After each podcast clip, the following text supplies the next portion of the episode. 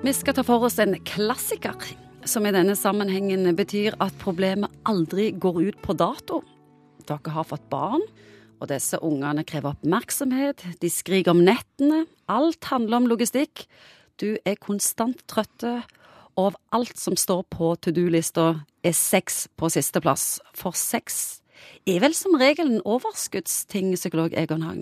Ja, det varierer nok litt. Men jeg tror dette temaet her er veldig avhengig av hvilke forventninger du har til livet. Hvis du har forventninger om at ting skal være eh, full sjåk og bånn gass eh, hele veien, så vil du nok oppleve at i forhold til seksualiteten, så vil du nok bli skuffa i perioder av livet. Og de tingene som du snakker om med småbarnsalder, er vel kanskje noe som de fleste kan oppleve. At eh, glørne kan godt være der, men de ligger liksom under et hav av bleier.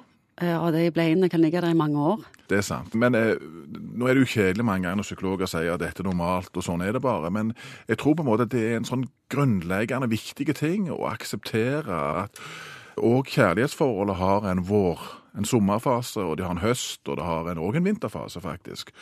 Gli med noen ganger. Akseptere at nå er vi inne i en sånn en fase, og det kommer ikke til å være sånn alltid. Nå blåser vi litt i sex i noen måneder og år.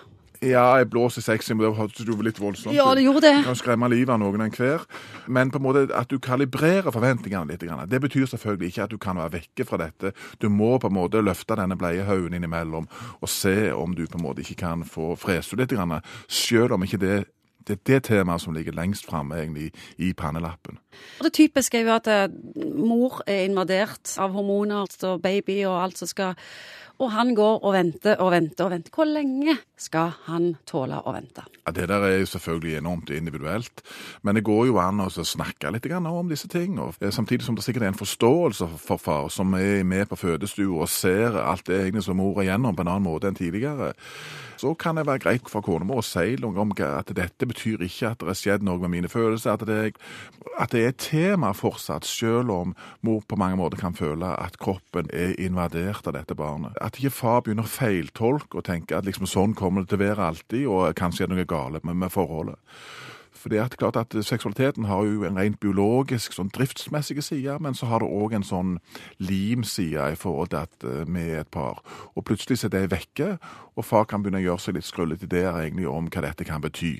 Og så må far òg selvfølgelig ta seg en runde med seg sjøl. Hvis du står og venter utenfor eh, liksom, fødestua der, eller eh, og mor akkurat kommet ut, så er det kanskje urealistisk å se for deg at eh, det er bånn gass i sengehalmen umiddelbart etter du kommer hjem. Det, det, tror jeg at menn òg forstår, men når det har gått måneder og år, og det kom tre unger, og det er sex en gang hver femte måned hvor lenge skal du stå i det? Og du har snakket om det mange, mange ganger, og det står stilt likevel. Ja, det kan du si. Der er det det står hos ja, mange. Det er jo ikke noe stikkende stol der. For mange kan dette bli et sånn et kronisk problem, egentlig, hvor eh, oppmerksomheten forsvinner helt i forhold til tosomheten, i forhold til kjærligheten. Og det å hele en skjele etter forholdet, hvordan ligger mannen på den kjærestearenaen? For det er klart at det øker jo sårbarheten hvis denne type form for intimitet over lang tid forsvinner ut av forholdet. I en periode som dette, så går ikke damer rundt og kjenner 'å, nå er jeg kåt', veldig ofte. Det, det, er sant. Og klart at uh, mange ganger så kan, mange damer har jo funnet ut det òg, at hvis du venter på den umiddelbare 17 år gamle kåtheten, så kan du vente lenge. Så du må på en måte rigge deg til og si at nå skal vi og deg liksom prøve å bevege oss inn i den uh, kåtskapen igjen.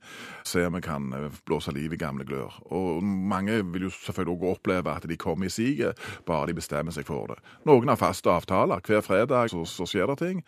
Noen ganger er det, liksom, er det veldig naturlig, andre ganger så må du liksom klype deg sjøl, eller ringe på iPhonen at nå, nå, er det tid for liksom å, ja, å begynne igjen. Du, hvordan konkluderer vi? Ja, det, Konklusjonen må bli det, tror jeg, at det, eh, det som hjelper oss, er å være litt forberedt på det. Ha realistiske forventninger til at òg disse tingene går litt opp og ned. Samtidig så er det sånn at det, eh, dette skal heller ikke være en parkeringsplass, derfor bare driter vi i det.